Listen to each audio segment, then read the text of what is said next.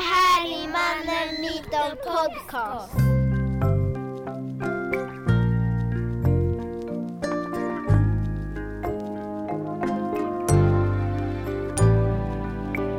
Det här är Mannen Myten Podcast. En serie som totalt nördar in sig i manlighet. Är den manliga Terminator-arketypen bara en myt? Och i så fall, hur förhåller sig olika grupper av män till den? I den här podden lyssnar vi på mäns berättelser. Med hjälp av de smartaste tänkarna vrider och vänder vi på mäns erfarenheter och försöker förstå sambandet mellan det personliga och det strukturella. Målet är att hitta nya perspektiv så att vi kan komma framåt och förändra manligheten till det bättre för fler. Jag heter Shaba Ahmadian och är den ena av två programledare. Och jag, Svante Tidholm, är den andra. Vi är en del av Arvsfondsprojektet Mannen Myten, organisationen Män. För jämställdhet och mot våld.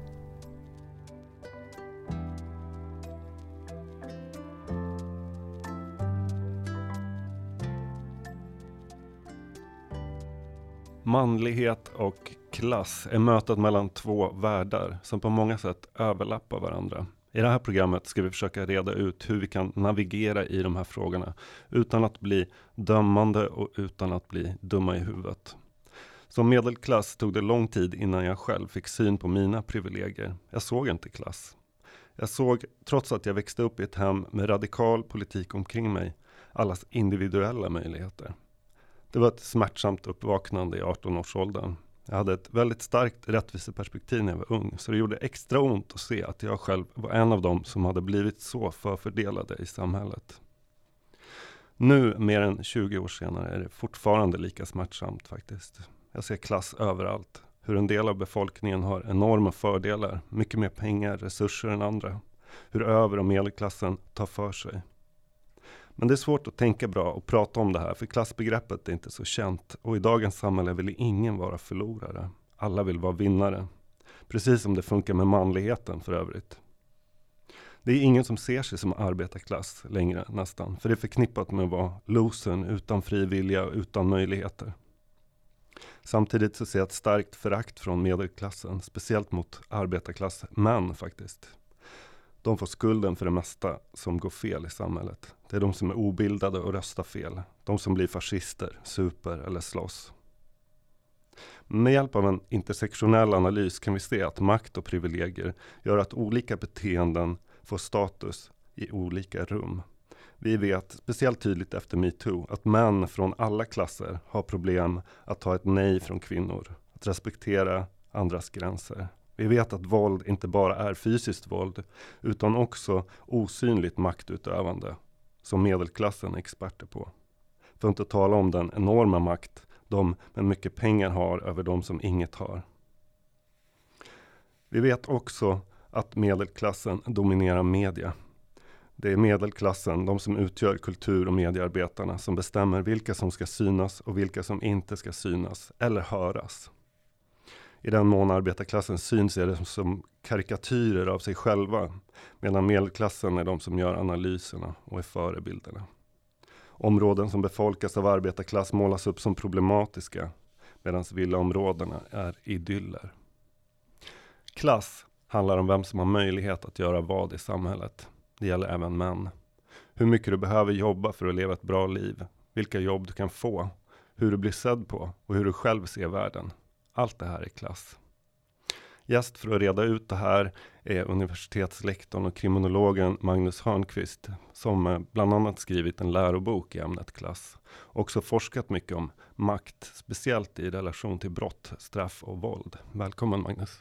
Tack, tack Svante. Var det en bra presentation? Det var en jättebra presentation tycker jag. Jag är helt eh, imponerad, jag kan skriva under på varenda ord du sa. Ja, bra. Tack så mycket. Um, jag tänkte om vi tar det från början. Hur användbart tycker du klassbegreppet är idag?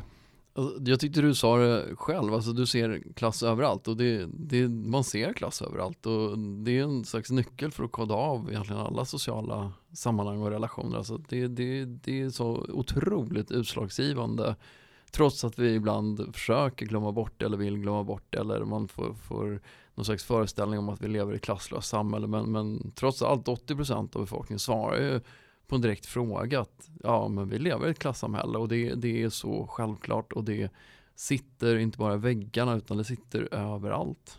Varför pratar vi så lite om klass då? Det är för att det är svårt. Det är, det är, det är känsligt. Det pratar, alltså vi pratar ojämlikhet, vi pratar om så radikalt skilda livschanser. Och, och vi lever klassseparerade liv. Ibland så får man ju tänka mig att klasskillnaderna har ökat men, men det är snarare så att, att klasserna lever helt olika liv. Alltså medelklassen lever sitt liv i, i sina bostadsområden och på sina jobb och, och har barnen på medelklassskolor och arbetarklassen bor i sina områden med sina skolor och åker på sina semestrar och, och gifter sig inom arbetarklassen. Och, och så det, klasserna möts ju eh, väldigt lite. Och hur påverkar, alltså om, om vi bara tar den liksom frågan på en gång, manlighet och klass, vad, hur hänger det ihop? Liksom? Det känns som att en grundläggande del som jag tycker liknar varandra är det här att vi inte vill se problemen med det. Alltså, vi vill inte se problemen med klass för att ingen vill vara förloraren liksom. Och ingen vill se problemen med manlighet heller för att ingen vill vara liksom den där förlorarmannen mm. på något sätt.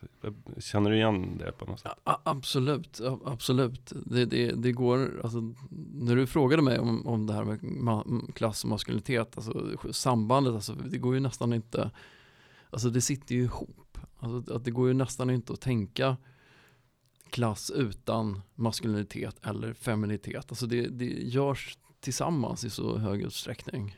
Kan du bara ge något exempel eller utveckla lite grann hur det hänger ihop? Nej, men jag tänker att en sån här grundläggande, om man ändå ska prata samband, alltså klass bygger ju på att vi har olika position i någon slags ekonomisk struktur. Vi har olika tillgång till ekonomiskt eller kulturellt kapital.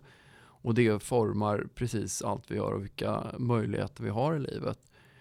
Och då finns det ju, tänker jag, att, att, att um, kön, maskulinitet, feminitet är en parallell struktur som, som bland annat bottnar i, i hur man ger status och hur man då kodar det på olika sätt och i, i termer av moral inte minst och att respektabilitet görs, liksom, det är så tydligt kopplat till klass.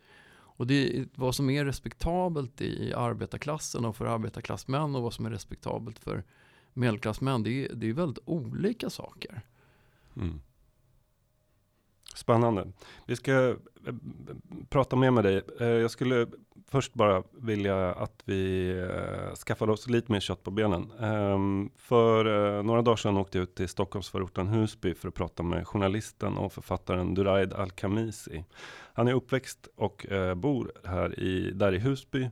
Eh, det är ett socioekonomiskt eh, utsatt område, ganska arbetarklassbetonat skulle jag säga. Idag är han en väl etablerad författare och journalist som har jobbat på en rad stora tidningar och rapporterat för bland annat Sveriges Radio. Nu är han aktuell med romanen Mellan floderna och han är en person som har tänkt väldigt mycket på det här med klass. Kan du berätta om din egen klassbakgrund? Eh jag har gjort alla, jag har ju, jag har levt mitt liv lite som en berg och dalbana. Jag har tillhört alla de här samhälls, eh, eller vad man ska säga, klasstillhörigheterna. Övre medelklass, medelklass, underklass, arbetarklass, arbetslös underklass om du vill kalla den så. Eh, det är också, det är, det är lite svårt att prata om de här, du vet, bara klass rakt av. Utan att ta in andra saker i, du vet, i beräkningen också. Alltså när vi till exempel idag pratar om klass, visst vi vi lever i ett av eh, västvärldens mest eh, segregerade länder, eller hur? Alltså när vi pratar till exempel om inkomst, eh, inkomster och välfärd och du vet liksom om vi bara kollar på skolresultat, inkomster, trångboddhet eh, och så vidare så har vi Husby kan ju klassas som ett eh, socioekonomiskt utsatt område, eller hur? Och jag har ju levt här i nästan 21 år. Annat än när jag har bott utomlands eller när jag har flyttat runt lite mellan olika förorter. Ehm, så det har ju präglat liksom våra klassresor, olika klassresor upp och ner och fram och tillbaka har ju präglat min uppväxt, mina, mina föräldrars uppväxt också. Och de var också med på sin tid och gjorde klassresor. När, när de växte upp i, i gamla hemlandet då. Eh, att de liksom klättrade uppåt i hierarkierna och sådär. Så att det, man har gått upp och ner kan man väl säga. Om min, om, om min, alltså vad gäller min egen så här, berättelse. Vart känner du dig mest hemma? Jag känner mig hemma överallt. Det där är också en sån här sak där jag för några år sedan jag gjorde det svårare för mig än, än vad det behövde vara. Det är, ganska, det är ganska vanligt att ungdomar under sin uppväxt söker en tillhörighet och de här föräldrarna de är inte riktigt utvecklade än. Man undrar sig, är jag förortare, är jag svensk, är jag arab, är jag mandé, är jag irakier?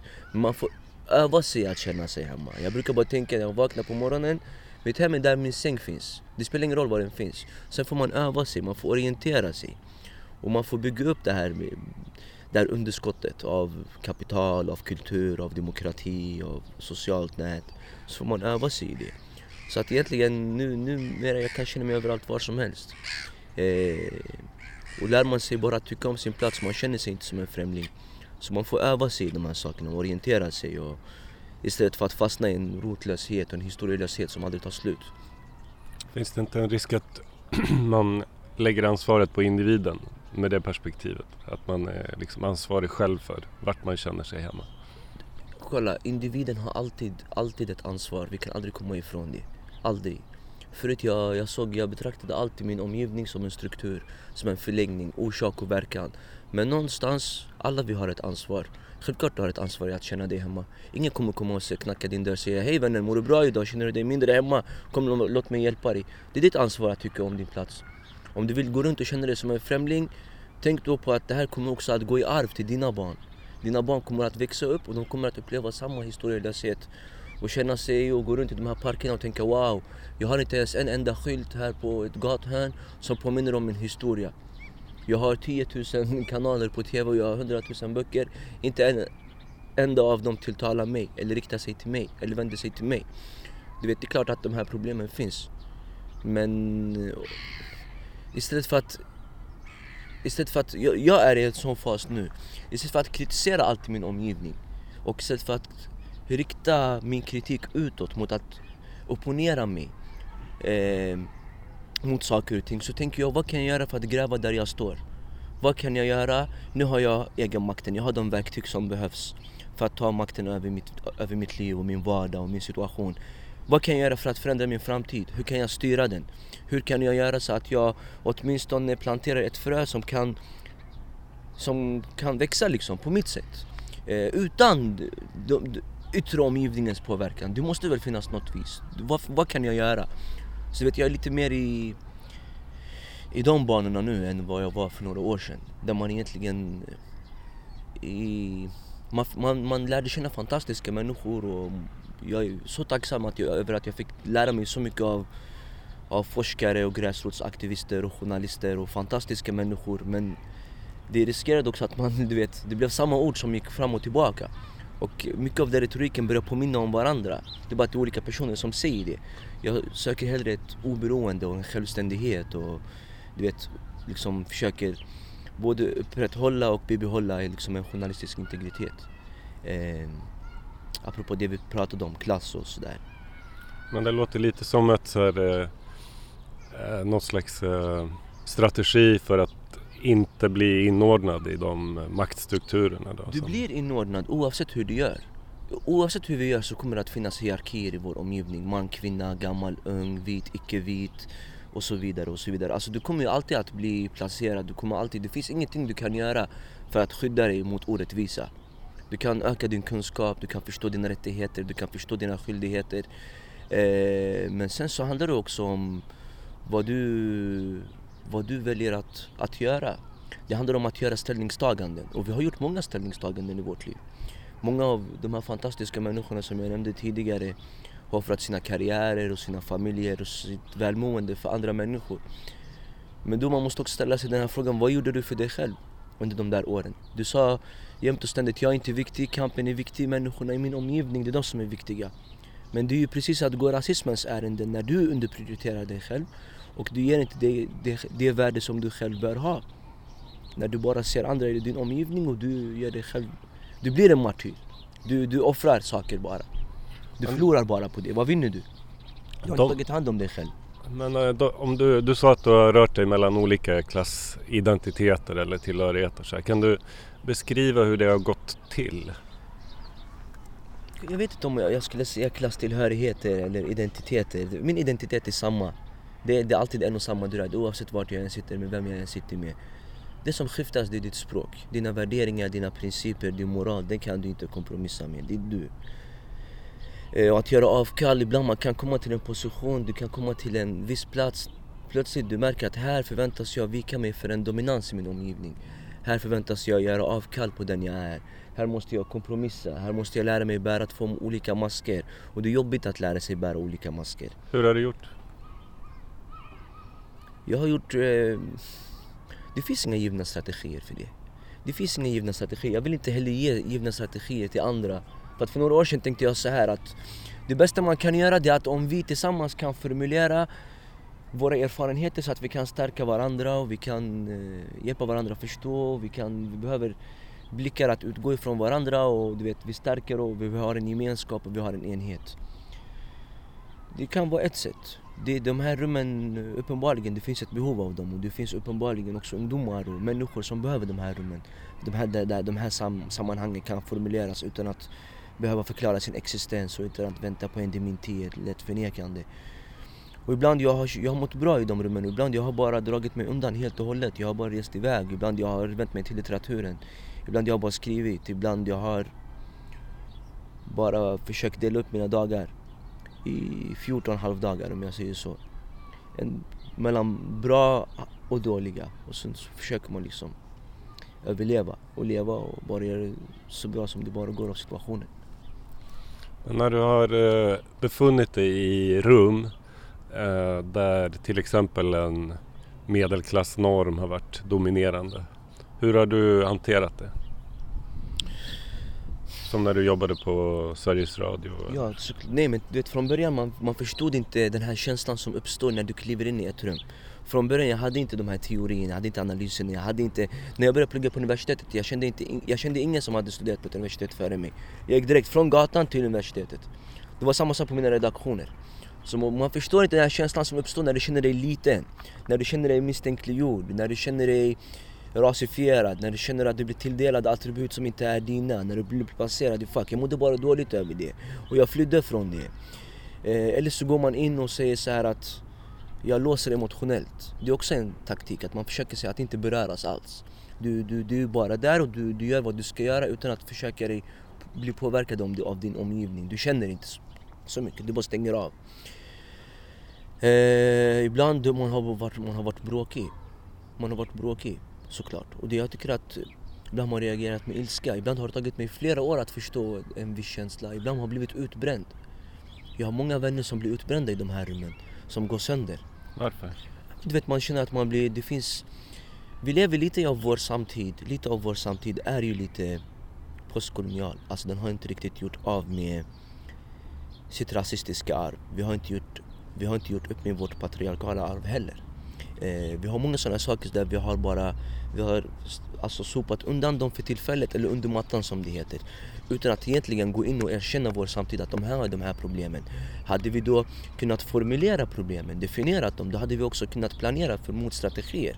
Och hur ska vi handskas med dem? Hur ska vi jobba för framtida generationer? Hur ska vi ta de här, hur ska vi tolka de här symptomen som vi ser? Vad, ser vi ett större mönster? Eh, när jag var ung, när jag var 22-23, de här, den här debatten fanns inte. Det fanns inget sånt. Det fanns inga ungdomar som kom och pratade med dig om rasifieringsteori eller segregation eller som kunde använda ord som inkludering och, och, och så vidare. Nej, vi, när, när det hände, när de sammanhangen började formuleras, då fick man ett alternativt språk. Alltså istället för att tala om segregation, eller förlåt, istället för att prata om utanförskap, prata om segregation. Istället för att prata om utanförskap och integration, man pratar om strukturell rasism. Man pratar om diskriminering. Så att inte, så att återigen, så att inte allt ansvar handlar på att det här är ditt fel. Det är ditt fel som bor i ett område där människor skjuter varandra.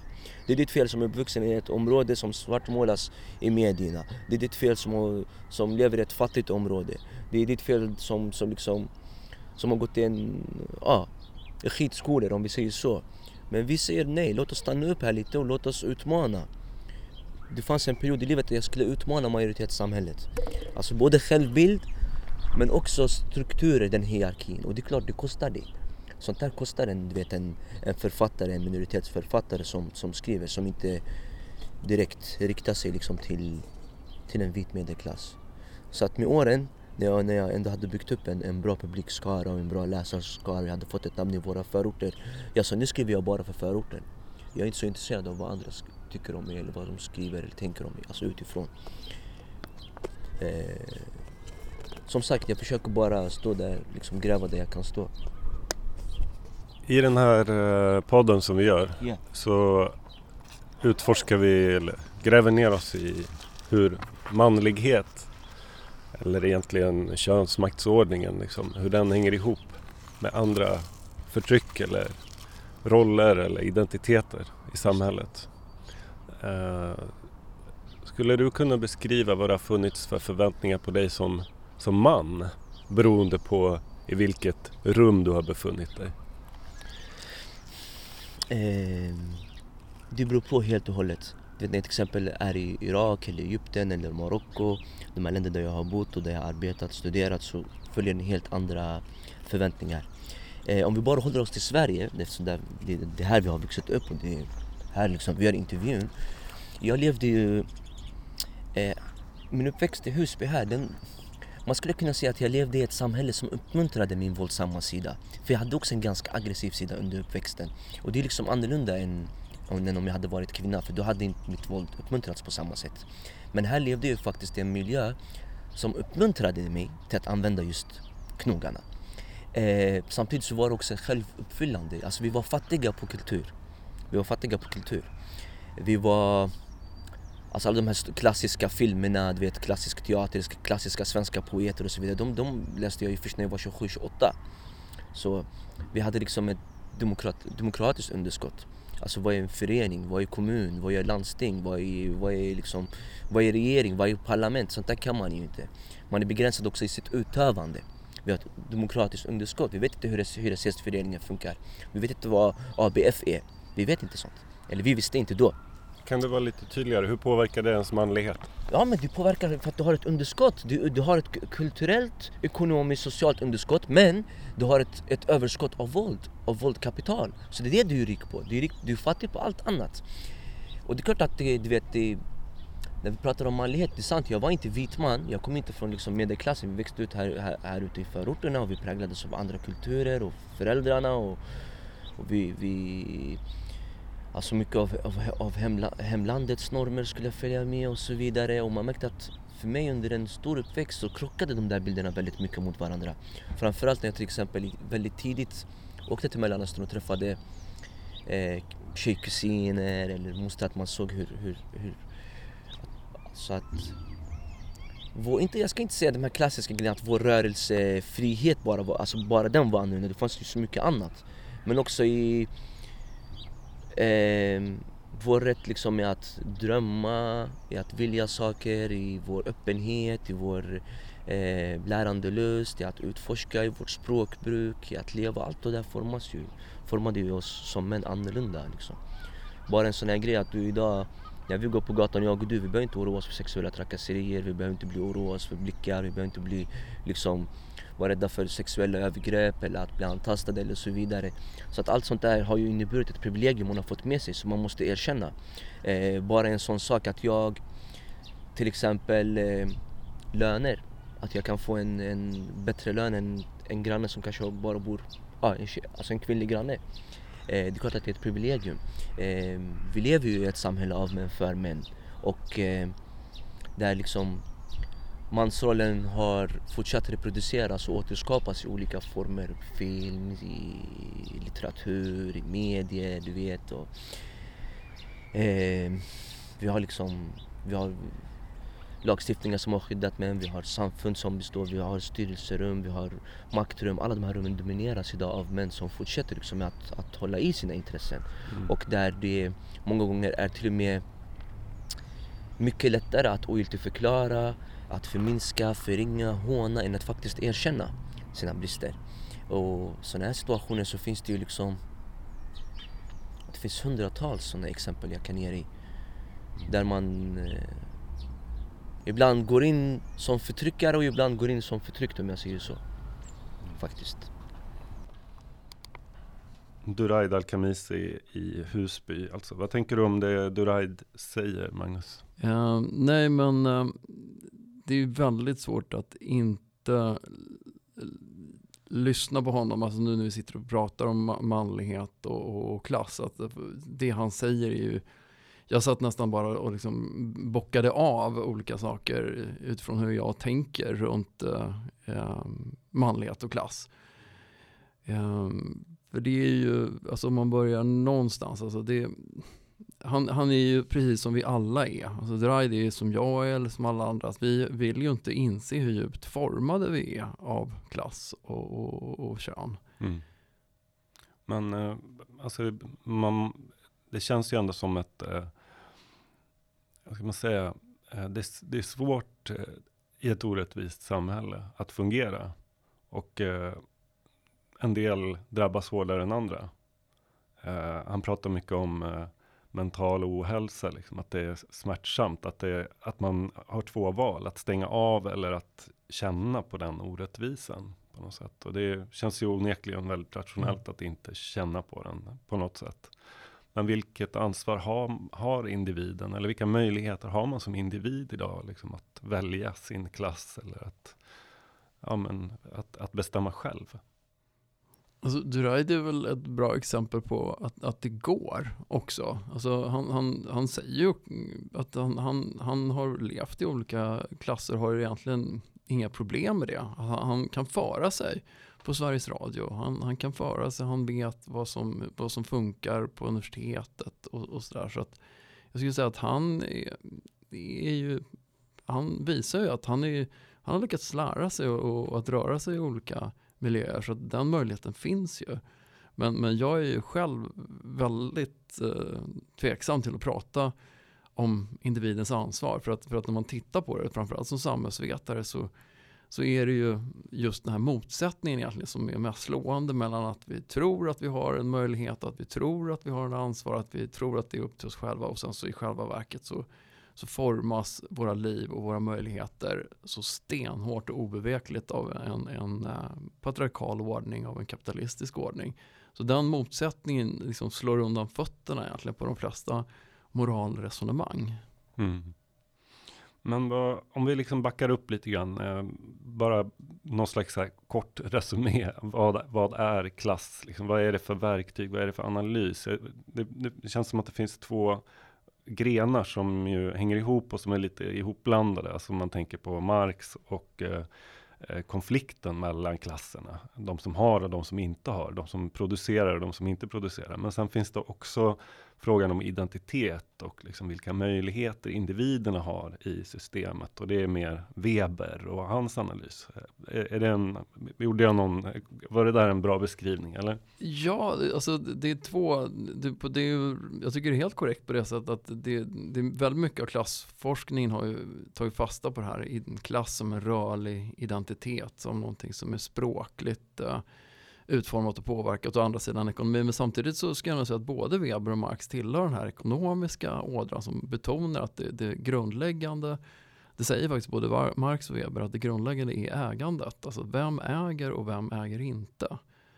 Och det är bara 1-2% av befolkningen som, som kan leva på sitt ägande. Resten måste ju arbeta på något sätt.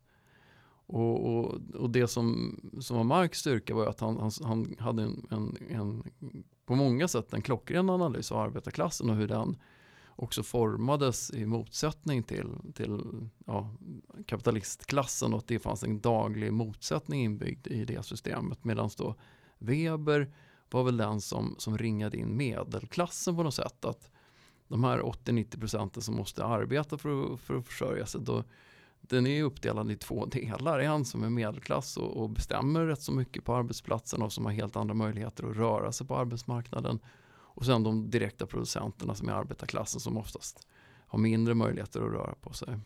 Mm. Eh, men är vi i en fas liksom där individualismen har blivit så pass eh, dominant att vi inte längre vill se klass eller se, liksom, se oss som en del av de här kollektiven? Eller? Alltså, jag undrar ibland hur mycket, alltså, mediebilden är ju onekligen så. Ja, och, och, de politiska partierna är ju allt mindre klassbundna i sitt, alltså, hur de riktar in sina budskap. Men, men men samtidigt så tror jag klass är en, en högst påtaglig verklighet i, i allas, allas vardag. Så att jag tror att, eh, att klass är, är så självklart att man inte behöver prata om det. Och, men att det känns på huden för alla varje dag. Eh, det går inte att komma undan tror jag. Men jag tänker att eh, Duraid lyfter ju också det. Och, men om vi tittar tillbaka så har det ju gått väldigt fort i samhället skulle jag säga ändå. Med att vi har idag en analys av hur rasismen fungerar. Vi har en mycket mer så här utbredd känsla för hur eh, könsmaktsordningen fungerar. Men klassbegreppet känns inte som att det liksom har tagit fäste riktigt så här, eller? Ja, men det, jag tror att det stämmer. Jag tror att man, om man läser så instruktioner till statliga myndigheter så ska man beakta etnicitet och genus och tillgänglighet och, och, och många maktordningar. Men, men just eh, socioekonomisk status, det är, det är fortfarande lite av en blind fläck. Hur kommer det sig? Jag tror, ja, det eh, har pratats, alltså man, alltså dels om jag tittar på mitt eget, alltså universitetet, alltså man, det har ju funnits ett enormt uppsving för genusforskning och antirasistisk forskning under de senaste 20-30 åren. Och det är också i samhället i stort. Alltså att, att kvinnorörelsen och, och allting det här har ju bidragit, det har ju verkligen lett till förändringar. Samtidigt så har ju, när man tittar på arbetarrörelsen och, och kapitalismen och, och, och, utvecklingen på arbetsplatserna, det, det, det, har ju gått rakt motsatt riktning. Så att, att eh, menar det har ju pressats tillbaka eh, både på arbetsplatser och eh, självmant kanske på universiteten mer då, eller forskningen är inte riktigt riktigt på samma, han känner inte samma självförtroende tror jag som vad gäller antirasism eller, eller maskulinitet eller feminitetsforskning. Vad vet, vad, vad vet forskningen om eh, relationerna mellan manlighet och klass? Vad, vad finns det för slutsatser där? Det, um, jag gjorde en, innan jag kom hit så, så vi har ju ett verktyg som heter Google Scholar, så kollade jag vad, vad det är som finns. Och det, det, jag är ju inte någon maskulinitetsforskare själv, men, men jag, jag tvingas konstatera att det, det verkar inte finnas jättemycket um, som handlar om, om det. Men, men om man då ändå ska mm, skrapa lite på vad jag vet så, så är det väl, och det som jag själv har fastnat för, så är det väl just att uh, maskuliniteten som en slags statusordning som, som fogas in i klass som är också en statusordning. Och för att bli lite mer konkret så, så är det just det här hur man maskulinitet får olika betydelse på grund av att man är infogad i en an, redan är infogad i en annan statusordning. Så att om man till exempel är arbetarklass så, så tenderar man ju att kanske överkompensera och lägga jättestor vikt vid sin maskulinitet. Alltså Duray pratar till exempel att han hans, våldsamma, hans våldsamhet, hans aggressivitet eh, uppmuntrades eh, där han växte upp. Det, det, skulle man, man skulle inte säga att det uppmuntrades i en medelklassförort till exempel på, på samma sätt. Eh, jag, skulle också gissa, han pratade inte så mycket om det, men eh, alltså just det här att, man, att manlighet är också en slags hederskultur. Att, att, att han, han fick reda på säkert eh, att han är svenskarna, medelklassen, de, de kan man inte lita på. Men, men vi minsann, vi, vi är de värden som vi står för. Ja, nu är det ingen som säger det här rent ut, men alltså det, det, det, här finns så mycket i strukturen att man, man tänker att, att jag är ändå moraliskt överlägsen därför att jag är arbetarklass eller därför att jag är man och, och jag är bättre. Alltså det, det där är en jättestark tror jag, eh, mekanism i, i hela samhället. Mm, men när du pratar om arbetarklass eh, och maskulinitet så betonar du alltså någon slags, eh, vadå, det är någon slags eh, redighet eller liksom överkompensera. Jag hänger inte riktigt med. Du menar att man på grund av en ekonomisk utsatthet måste bevisa liksom att man är eh, någon att räkna med eller någon som kan dra in pengar eller sådär, eller? Ja, men, men precis. Alltså, för att ta ett väldigt konkret exempel. Alltså, det finns en amerikansk forskare som heter Michelle Lamont. Hon intervjuade en kille som är 30 år gammal. Han är elektriker. Han heter Ben, kallar hon honom för. Och han är vit eh, arbetarklassman. Då. Och han, är, han känner att han står så lågt eh, på arbetsplatsen han tycker att hans eh, chef är eh, åt skogen och att han har väldigt få möjligheter. Han är ganska bitter eh, på var han har landat socialt i livet men han poängterar att han står för minsann han har uppfostrat sina barn, de har, blivit, de har fått en god uppfostran med en fin moral. Han eh, har ingenting emot att, som han uttrycker det, spöa på narkomaner för att liksom visa att han är, står ovanför dem. Och eh, är också jättetydlig med just att hans chefer är, som han uttrycker det, liksom ena riktiga liksom, arslen. Därför att de, de, bara, de kan bara, de smilar och de tjänar pengar och han, det är han som gör jobbet. Och det där är ju någon slags, eh, alltså där har du liksom båda delarna på något sätt. Alltså den här stoltheten som arbetarklass, att de vet hur man gör jobbet, det är de som gör jobbet, de vet hur det är. Samtidigt då som han är den här liksom riktiga mannen som drar in Eh, alla pengarna till hushållet. För jag tror fortfarande han är den här liksom lite äldre generationen där mannen var ensam försörjare. När man kollar på representation och i media och sådär så får ju då arbetarklass arbetarklassen inte synas på samma sätt som medelklassen till exempel. Och, eh, på det sättet de syns så är det ju ofta då liksom som de här eh, ja, som uh, huliganer eller i dokusåpor som uh, liksom snubbar som vill ligga väldigt mycket. Mm. Eller, det finns, eller bonläppar som inte ja, kan bete sig. Ja. Det finns liksom någonting så här, ett ganska konkret förlöjligande av mm. liksom arbetarklassmanlighet. Mm. Vad är det medelklassen vinner på det här? Var, var, är det här ett sätt att bara känna att det är okej okay att fortsätta bossa? Eller vad, hur funkar det? Alltså, ja, det, det, det, tror jag finns som en del i det, men sen finns det också andra som har pekat på att, att klasser gör sig i vardagen hela tiden i motsättning.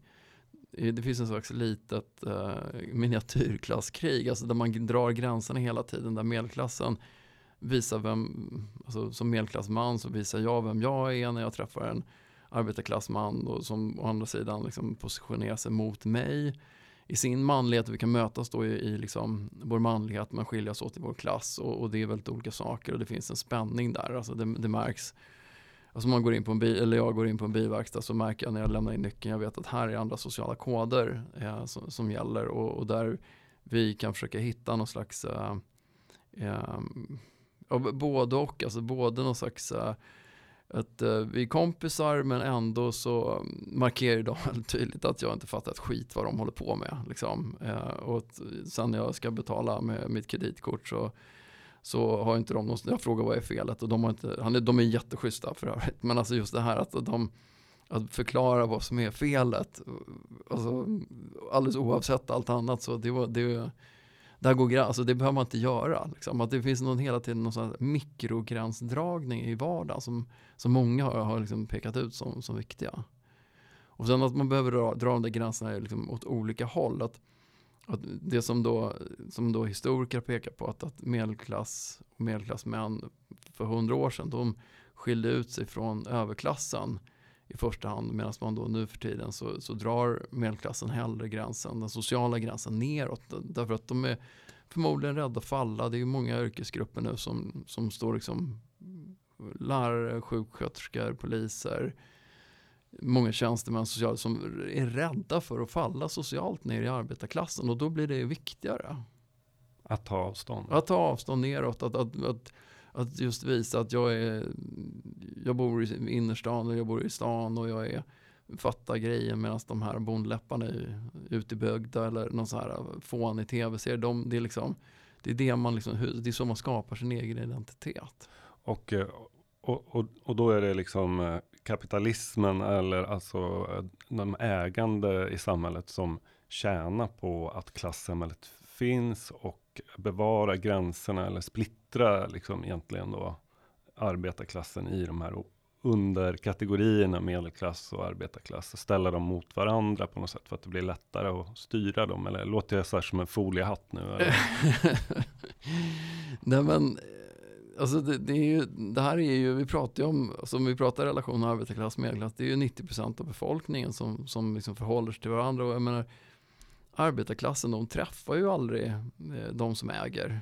Eh, de som äger bor ju, de bor i Djursholm, de, de, de behöver inte interagera, behöver aldrig träffa, behöver aldrig liksom prata med några andra nästan. Alltså om de, ska, de kan ju skicka, eh, och det kanske är läraren då till sina barn möjligtvis, annars så sker ju allt via mellanhänder.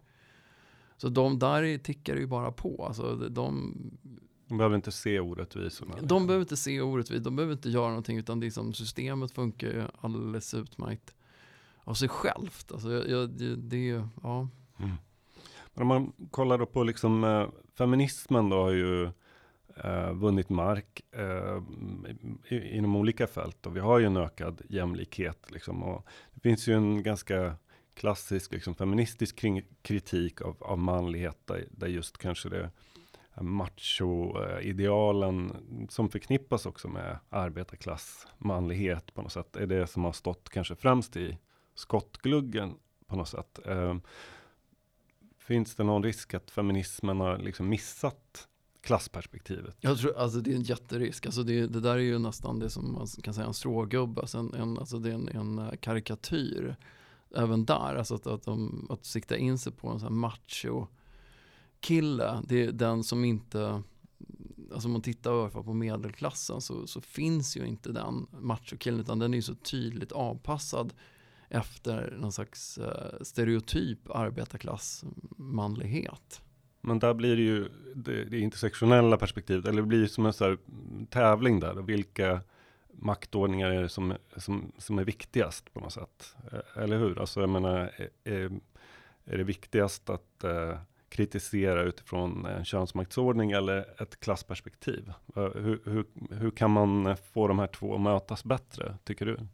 Alltså jag, jag, tycker väl egentligen det där är ett exempel på att hur man har misslyckats då, eh, om jag nu ska vara kritisk mot eh, vissa delar av feminismen, misslyckats att anlägga ett intersektionellt perspektiv. För att hade man gjort det hade man ju kunnat se att det inte finns någon, nu är det lite uttömt där, hegemonisk maskulinitet, men alltså, att förknippa det så starkt med en slags macho, rationell, liksom, stereotyp bild som som bara passar vissa skikt. Eh, då missar man ju stora delar av medelklassen och överklassen. Och, att man missar ju att hela samhället är uppdelat i, i, eh, i klasser om man bara går på den typen av maskulinitet som, som är, har status i, i, liksom inom arbetarklassen.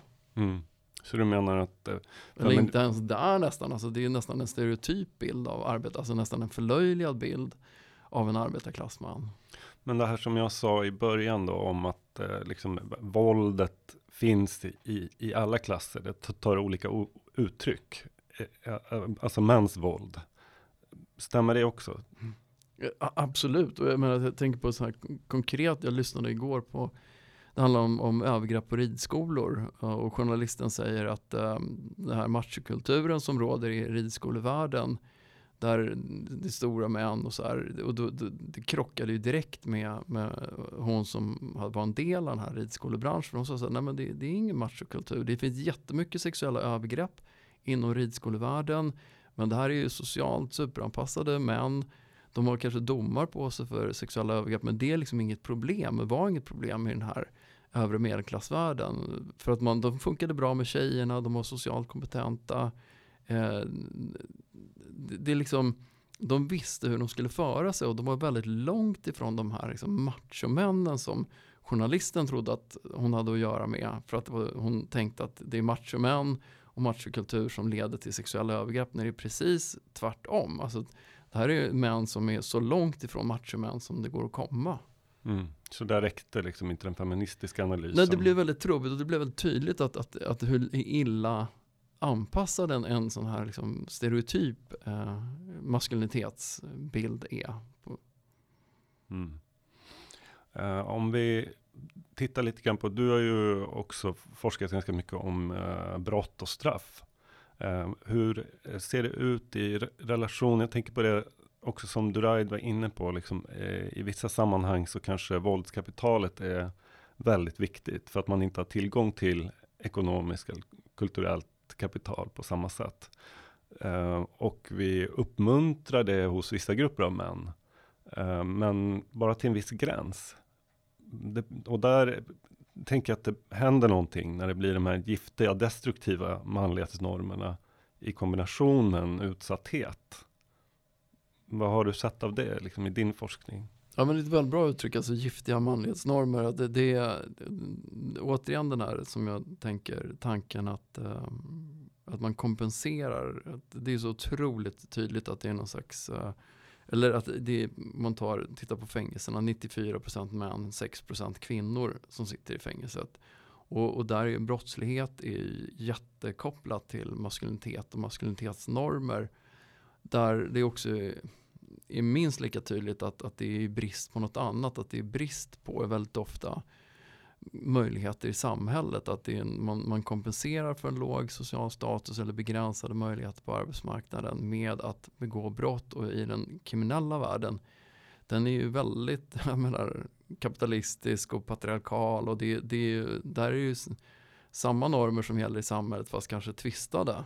Så du menar att eh, brott brotten och straffen också på sätt och vis är statusmarkörer. Men i, den, i det perspektivet så kan det vara någonting positivt, ja. någonting meriterande. Precis, alltså det som man vet att det är, det är inte status i samhället att, att ha ett stort våldskapital och, och kunna skjuta någon i knät, tvärtom. Men, men i den världen, man har konstruerat en egen värld där, där, där det är kopplat till, till maskulinitet. Finns det några, några som helst försök att liksom um, motverka det här? Som, som, som alltså jag tror att kulturen eller ändras, alltså det, det, det, ändras ju hela tiden. Alltså det är ju väldigt mycket som har ändrats. Jag menar det här med att det, kvinnor i, det börjar befolka arbetslivet på ett helt annat sätt och högre upp i, i ordningen och män är hemma med barn. Och att det, liksom, det sker ju på ett, i varje fall på normplanen så sker det ju förändringar. Mm. Och sen hur mycket som är verkliga förändringar och är identiteten, är den kopplad verkligen till att beteendet, alltså att, att kvinnorna, att är det inte så att de fortfarande tar hand jättemycket om, om barnen och, och sådär, trots att det ska vara jämställt så här. Så, men, men ändå, det, det, jag tror att det händer ändå saker. Men jag bara tänkte, jag tänker lite grann på att eh, klass liks, alltså klassperspektivet liksom könsmaktsordningen bygger väldigt mycket på eh, uppdelningar. Alltså vi, en besatthet av att dela upp män och kvinnor från varandra och få dem att vara sina motsatser på något sätt och stå emot varandra. Eh, på samma sätt verkar klass fungera ganska mycket. Alltså att vi skiktar oss och vi känner oss obekväma när vi rör oss över klassgränserna. Det känns mycket tryggare att vara med folk som är som sig själv. För att då behöver man inte känna sig utsatt för orättvisa. Man behöver inte känna sig rädd för att göra fel och så vidare. Eh, men de här mekanismerna är ju superdestruktiva på något sätt. Finns det något hopp om förändring där? Ja, innan, vi pratar, innan vi pratar förändring, alltså jag, jag, tänkte på en sak, en sak som är ganska viktig tror jag, kopplat det här med arbetarklass och medelklass. Det är ju att, att jag tror att inom arbetarklassen så, så är den här uppdelningen mellan manligt och omanligt är mycket viktigare. Alltså när man pratar om det som en slags norm den finns inte, det här med omanligt och manligt finns inte på samma sätt eh, inom medelklassen eh, eller inom överklassen. Eh, och att ofta så kan det vara så att arbetarklassmän positionerar sig gentemot medelklassmän genom att säga att i, i de termerna, alltså manligt eller omanligt, alltså sånt som är väldigt eller väldigt tydligt liksom kopplat till manligt och omanligt. Men i, i andra samhällsklasser, eh, medelklass och överklass, så tror jag männen när de positionerar sig neråt eller uppåt eh, så, så gör de det mot, även mot andra män. Så gör de det aldrig i de termerna med manligt och omanligt utan det är det som är mm, det som är hedvärt eller det som är fint eller det som är vulgärt eller det som är mm, man har liksom, man markerar klass på andra sätt. Alltså klass i den här betydelsen att man markerar status. Man vet vad som gäller. Och man har också en självklarhet på ett, på ett annat sätt än inom arbetarklassen. Att arbet, för arbetarklassmän är ju världen väldigt tuff, alltså utifrån hur de ser det själva. Så, så måste manövreras och man måste vara hård och, och sådär. Medan medelklassen kan ju kosta på sig att ha stil och ha veta vad som gäller och inreda sitt hem och fina viner och, och, och, och exklusiva whiskysorter och sådär som är andra markörer för manlighet utan att man liksom pratar om manligt och omanligt. Alltså det, det, man gör det på, på ett annat sätt. Mm. Det är mer subtilt och osynligt. Liksom. Mer subtilt. Alltså det här, alltså det, jag tror också det är därför som det är lätt att fastna, eller som kanske feminismen har fastnat på det här, liksom, som jag tror är en väldigt uh, uh, inte så hjälpsam, uh, den här machomansfiguren. Alltså att, att den, som är den här liksom, som är så kodad med, med våld och som är så kodad med arbetarklass. Och, och jag, jag tror att det är, det, det, är dags att röra sig bort ifrån det Eh, och, och, se till de här lite mer subtila och, och minst lika ojämställda eller ojämställdhetsskapande mekanismerna inne, som är kopplat till manlighet.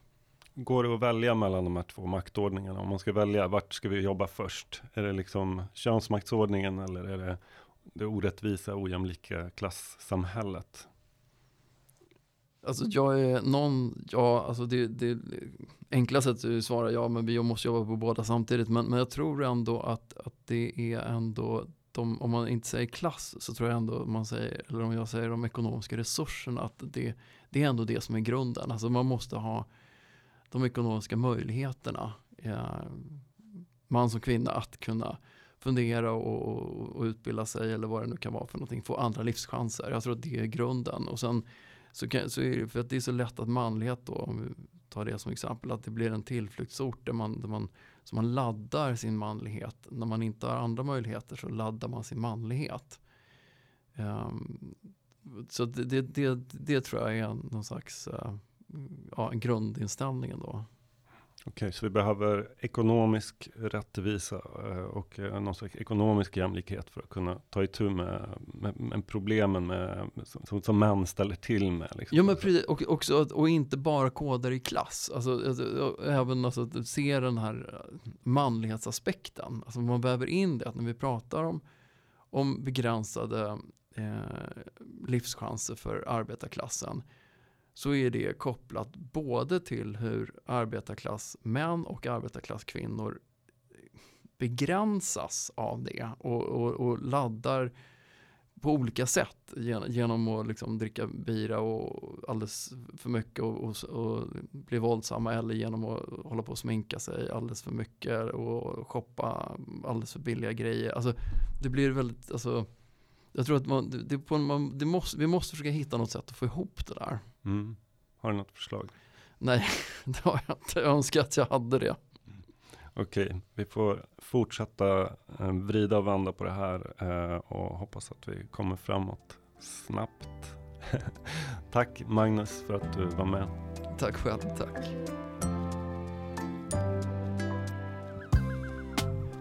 Du har lyssnat på ett avsnitt av Mannen, Myten Podcast. Vi är en del av organisationen Män och är finansierade av Arvsfonden.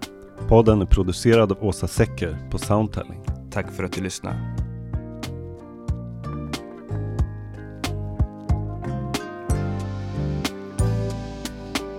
Tack för, Tack för att ni har lyssnat. Hej då! Hej då!